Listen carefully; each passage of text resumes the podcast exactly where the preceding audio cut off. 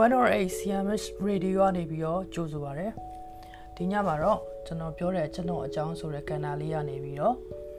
ပြောပြပြီးတော့မှဖြစ်ပါတယ်ဒီညပြောပြပြီးတော့မယ့်အကြောင်းအရာလေးကတော့ကျွန်တော်ဂျပန်မှာအလုပ်လုပ်တော့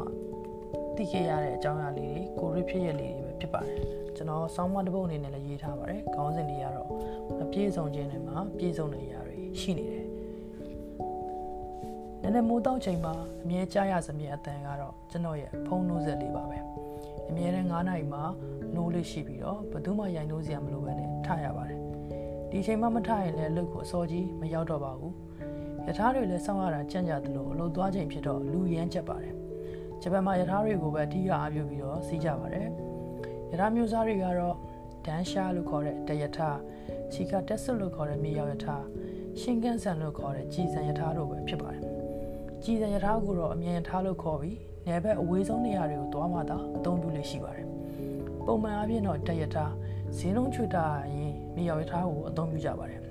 ။ကျွန်တော်ပုံမှန်စီးရတာကတော့တရထားပဲဖြစ်ပါတယ်။ရထားချိန်မိသွားဖို့မနေ့6နာရီမှထားပြီးဖျားဝပြုမနေ့စာစားပြီးတော့ညကလေးကအချက်ပြုတ်ထားတဲ့ထမင်းဟင်းများကိုထမင်းဦးထဲထည့်ပြီးတော့နေ့လည်စာအဖြစ်တည်သွားရပါတယ်။ဘာကြောင့်လဲဆိုတော့ကျွန်တော်တို့က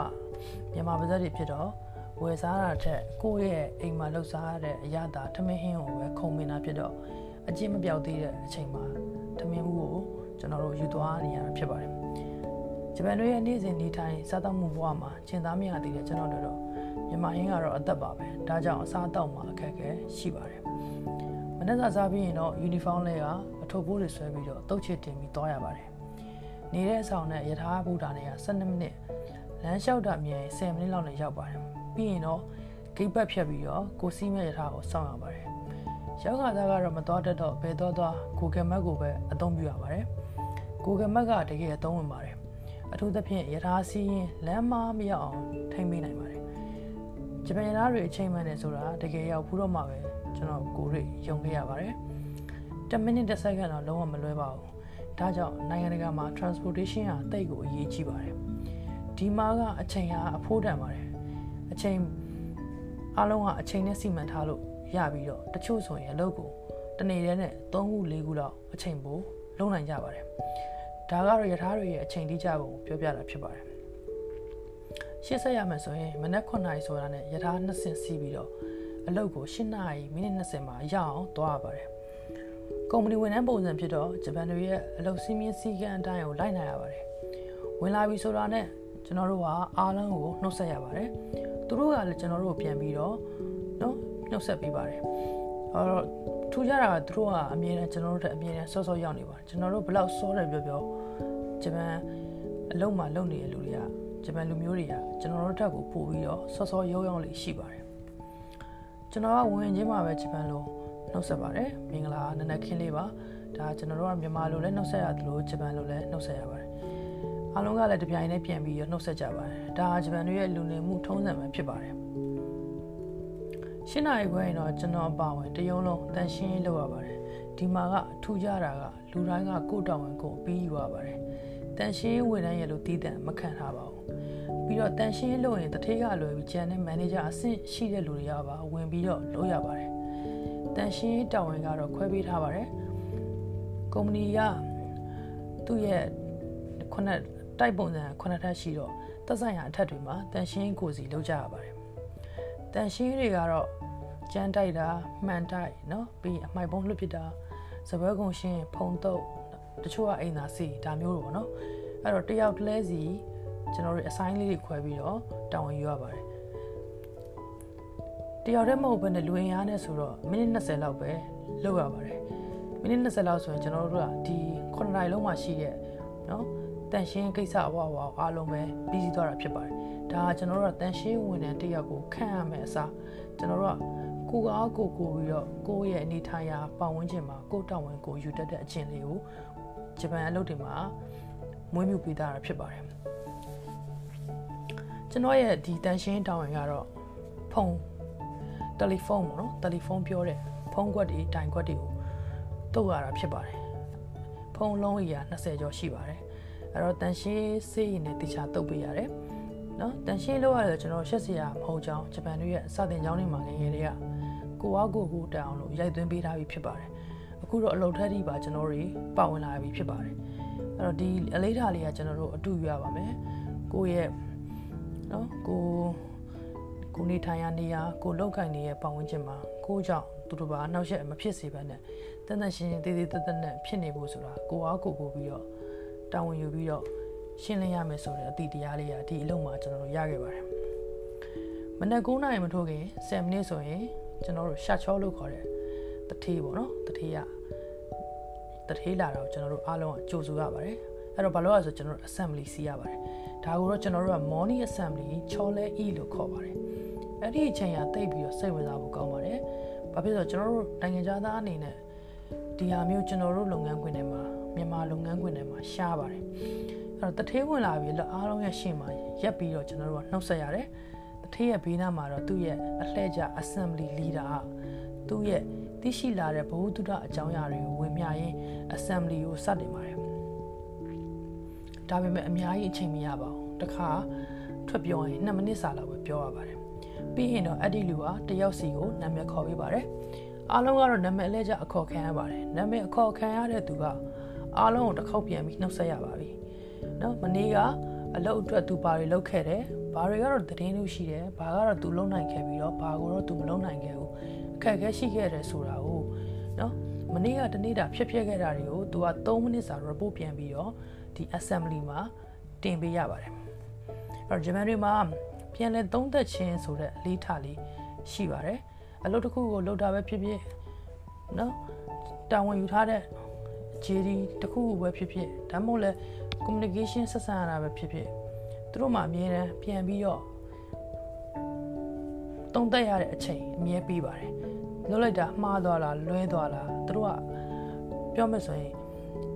အမှားမခံတဲ့အမှားမခံပဲနဲ့တော့အမှားကိုအမှားတောက်လျှောက်မှားသွားမှလဲဆိုတဲ့အတွက်ရက်ပြီးတော့စဉ်းစားတဲ့ကဏ္ဍလေးကိုလုပ်ပါတယ်ဒါကိုကျွန်တော်တို့ပြန်လဲသုံးသက်ခြင်းလို့ခေါ်ပါတယ်အဲ့တော့အချိန်တန်တော့ကိုယ့်နာမည် assembly leader ကခေါ်ပြီ ဒါဒီချိန်မှာကျွန်တော်တို့ကကျွန်တော်နိုင်ငံသားတွေလည်းအဲဒီ assembly ထဲမှာခဏယာယီဝင်ပြီးတော့စီရတာဖြစ်တဲ့အတွက်ကိုယ်လည်းနာမည်စင်းခေါ်တဲ့ထဲမှာပါလာပြီဖြစ်ပါတယ်အဲ့ဒီချိန်ဆိုကျွန်တော်တို့ကအရင်တုံးရပါတယ်ဘာကြောင့်ဆိုတော့အာဂျပန်လိုပြောရတဲ့ဟာလေးလည်းပါတယ်လို့ကျွန်တော်တချို့မသိတဲ့အကြောင်းအရာလေးတွေရှိတာကြောင့်အဲ language လည်းအားနည်းချက်တွေရှိတာကြောင့်ကျွန်တော်တို့တခါကျရင်ဘာပြောရမှန်းမသိဖြစ်လေရှိပါတယ်ရောက်ခါသားတော့ဟာဆိုရင်တော့စာရွက်လေးမှာကျွန်တော်ကတော့အမြဲတမ်း မနေ့ပြန်ပြောမယ့်အကြောင်းအရာလေးကိုရေးသွားပါတယ်ဒါကတော့ကျွန်တော်တို့မြန်မာအကျင့်ပေါ့နော်ဘာဖြစ်လို့ကျွန်တော်တို့နှုတ်တိုက်မပြောနိုင်သေးဘူးသူတို့ရဲ့ကာချာကိုနားမလည်သေးတဲ့အခါမှာကျွန်တော်တို့ကအများရှိမှလည်းပြောရမယ်ဆိုတော့အမားမှဆိုတဲ့အတွက်ကြိုပြီးတော့ပြင်ဆင်တဲ့အနေနဲ့ရေးရတာပေါ့နော်ရေးပြီးတော့ကျွန်တော်တို့ assembly မှာတော့ကျွန်တော်တို့ကတော့တစ်ခါကြာရင်လည်းဒီတိုင်းအလွတ်တိုင်းပြောလိုက်တာရှိသူတစ်ခါကြာရင်လည်းမပြောနိုင်စာရွက်လေးရကြည့်ပြီးတော့ပြောတာရှိပါတယ်ဒါကိုသူတို့ကနားလည်းခွင့်လုပ်ပေးပါတယ်ဘာကြောင့်လဲဆိုတော့ကျွန်တော်တို့ကနိုင်ငံသားဖြစ်နေလို့ဖြစ်ပါတယ် ပုံမှန်တော့ကျွန်တော်တို့စံနေပိတ်တယ်မန်နေကလွယ်ပြီးတော့ channel ရွက်တွေမှာဒီတိုင်းပဲ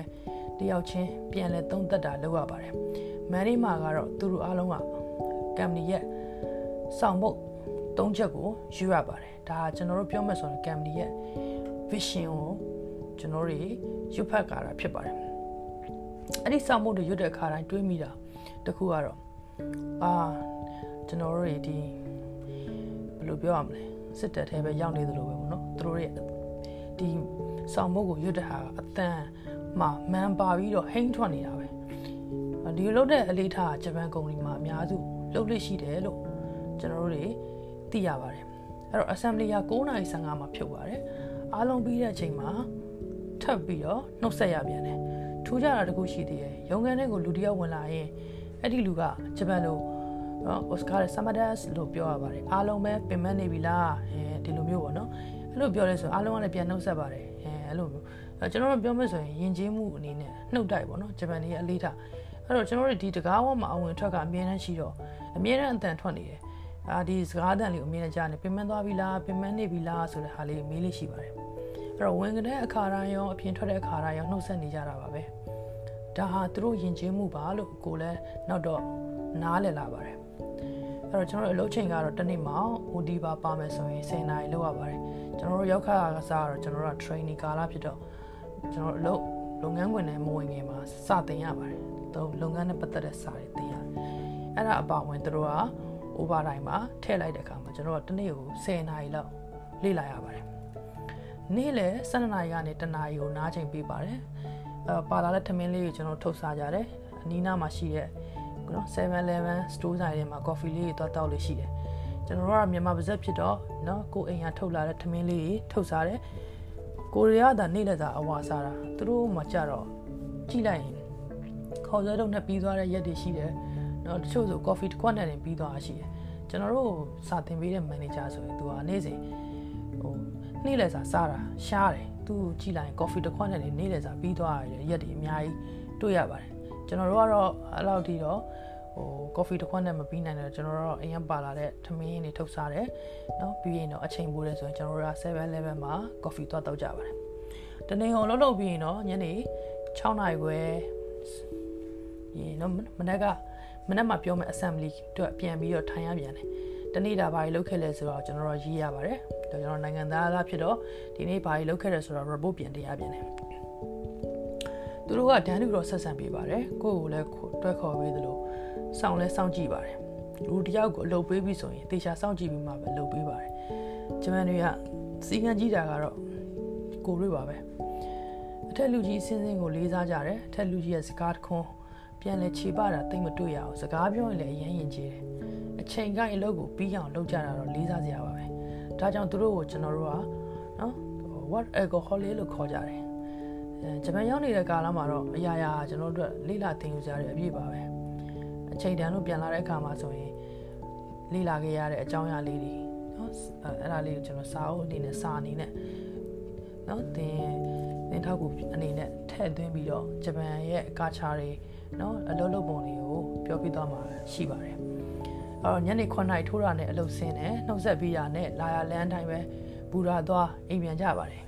ဒီအချိန်ကအလုပ်ပြန်ချိန်ဖြစ်တော့ရထားမှာထိုင်ကုန်ရဖို့ခက်ခဲပါတယ်ကံကောင်းတဲ့အခါမှာလည်းရပါတယ်အ ရင်ကတော့ရထားစီရင်ကျွန်တော်မိတ်တက်ပေမဲ့နောက်တော့ပင်မလာတဲ့အခါမှာသူတို့ရဲ့ဂျပန်စတိုင်ပုံစံဝင်လာခဲ့ပါတယ်ရထားကြီးပျော်ပျော်စီးပြီးတော့အိမ်ပြန်လမ်းမှာမနှက်ဖြန်အတွက်ချက်ပြုတ်ဖို့ဒီစူပါမားကတ်မှာဝင်ပြီးတော့ဈေးဝယ်ရပြန်တယ်အိမ်ရောက်တဲ့အချိန်ကတော့နိုင်ကြီးလိုက်တိုင်းည9နာရီပါပဲရေချိုးညစာချက်မနက်တော့ထမင်းမှုပြင်အားလုံးပြီးစီးတဲ့အချိန်မှာတော့ည7နာရီထိုးခဲ့ပြန်ပြီကဲအိယာဝင်ပြီးတော့မနက်အတွက်အားမွေးရပြန်တယ် ဒါဂျပန်စနစ်ထဲဝင်သွားတဲ့လူတွေရောက်ရဲ့အဖြစ်အဖြစ်ပြက်ပါပဲအများစုကတော့တနေ့တာကိုဒီလိုဖြတ်တန်းနေကြရတယ်လူနေမှုစင်တန်းတွေမြင်မာလာလေးလေးလူတွေကစက်ရုပ်တွေနဲ့တူလာလေးပါပဲကို့မှာအသိစိတ်ကွဲပြောင်းမသွားအောင်အမြဲတတိလေးကတ်နေရတယ်နောက်ပိုင်းမှာပျော်ရွှင်ခြင်းရဲ့နှင်းသာတာကိုနားလည်လာတယ်ပျော်ရွှင်ခြင်းဆိုတာကိုယ့်ဘောမှာမူတည်သလိုတရကမ်းမှာလည်းပျော်စရာတွေရှိတယ်အောင်မြင်အောင်ကြည့်တတ်ရမှာဖြစ်ပါတယ်ခါကျကြံဖန်ပြီးပြောရတဲ့ဘဝကြီးလည်းရှိပါတယ်ကိုယ့်ထက်အချင်းတွေစိုးနေသလို ကိုယ့်ရဲ့မြင်မာနေတဲ့လူတွေလည်းရှိပါတယ်ဒါတွေကိုကျွန်တော်တို့ကတန်းလိုက်ညှိလို့ချိန်မှာကောင်းသလိုတစ်ခါကျရင်လည်းတန်းညှိလို့မရတဲ့ချိန်တွေလည်းရှိပါတယ်ဒီလိုကာလတွေမှာဆိုပိုဆိုးတာပေါ့ကျွန်တော်တို့တွေကိုယ့်ရဲ့နော် survival ရက်တည်ရမယ်ကာလမှာ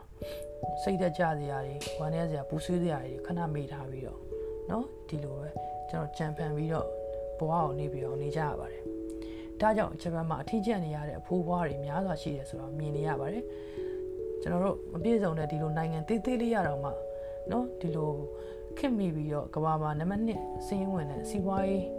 အောင်မြင်ဆုံးကျွန်းနိုင်ငံမှာတော့နော်သူတို့တွေတက်ရှိကျမ်းမှာပဲမပျော်ရွှင်မှုဆိုတာရှားပါတယ်အဲ့တော့ကျွန်တော်တို့ဒီမှာနိုင်ငံသားတယောက်အနေနဲ့အတိုင်းအတာတစ်ခုဒီနေ့ချိန်တန်းရင်အိမ်ပြန်ဒီလိုပဲဘဝအဆုံးသတ်ဖို့ပြီးသွားဖို့တော့မဟုတ်ပါဘူး ကျွန်တော်တို့လေ့လာသင်ယူမှုတွေနဲ့เนาะကျွမ်းကျင်မှုတွေမျှဝေမှုတွေနဲ့ဆက်ပြီးတော့ပျော်ရွှင်စရာတွေဖန်တီးနေရှေ့ဆက်ဖို့လိုအပ်ပါတယ်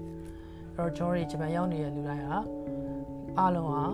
ခက်ခဲကိုယ်စီရှိကြသလိုเนาะအောင်မြင်မှုတွေလည်းအသီးသီးရှိကြပါတယ်အဲ့တော့ဂျပန်မှာတော်တော်များများကအလုပ်တွေတခုတည်းနဲ့နေမလုပ်ဘဲမလုံလောက်တဲ့အတွက်ကျွန်တော်တို့အလုပ်တွေအများကြီးလုပ်ကြတယ်เนาะတချို့ဆိုရင်ခိုးလုပ်တာရှိတယ်နှစ်နှစ်နှလုံးသုံးလုံးအော်ဗီ ဒါကတော့ဗီဇာပေါ်မူတည်ပြီးတော့ကျွန်တော်တို့အမြဲတမ်းပြောင်းလဲရှိပါတယ်အဲ့တော့ဟိုမှာလုပ်ရင်လုပ်တော့ရသလိုသူတို့ရဲ့လူနေမှုစင်တန်းရကုံတင်းတဲ့တော့အကုန်နဲ့အကြောင်းအရာတွေလည်းရှိပါတယ်အဲ့တော့ဒါပေမဲ့ကျွန်တော်တို့ဘာကွာသွားလဲဆိုရင်နေထိုင်ရတဲ့လူနေမှု like living standard ပုံမြင့်သွားတယ်လို့ခံစားရတယ်လို့ချို့ဆိုဂျပန်မှာစုမိဆောင်မှုမရှိဘဲနဲ့ဒီတိုင်းပဲမျောနေမျောနေနေပဲဂျပန် လူမျိုးတယောက်နီးပါးလို့ဖြစ်သွားတဲ့မြန်မာလူမျိုးတွေလည်းအများကြီးပဲရှိပါတယ်အဲ့တော့ကျွန်တော်တို့ကအလုပ်လုပ်မယ်အလုပ်ကနေရလာတဲ့အတွေ့အကြုံတွေနဲ့ကိုယ်နိုင်ငံကိုပြန်ပြီးတော့အကျိုးပြုနိုင်လားအကျိုးမပြုနိုင်ဘူးလားဒါမှမဟုတ်လဲကိုကဒီဂျမန်မှာပဲအခြေချမလားဆိုတော့ကိုယ့်ကိုပဲမူတည်ပါတယ်အဲ့တော့အားလုံးပဲဒီအကြောင်းအရာလေးကတော့ကျွန်တော်ကြုံတွေ့ခဲ့ရတဲ့အကြောင်းအရာလေးကိုပြောပြတာဖြစ်ပါတယ်နောက်စီစဉ်မှာထပ်ပြီးတော့ဒီဂျပန်ရဲ့ကာချာနေချာလေးတွေကိုကျွန်တော်တို့ မျှဝေသွားမှာဖြစ်ပါတယ်အဲဒါကြောင့်108 CMH Radio မှာဆက်လက်ပြီးတော့နားထောင်ပေးပါလို့ပြောချင်ပါတယ်အားလုံးကိုကျေးဇူးတင်ပါတယ် Have a nice day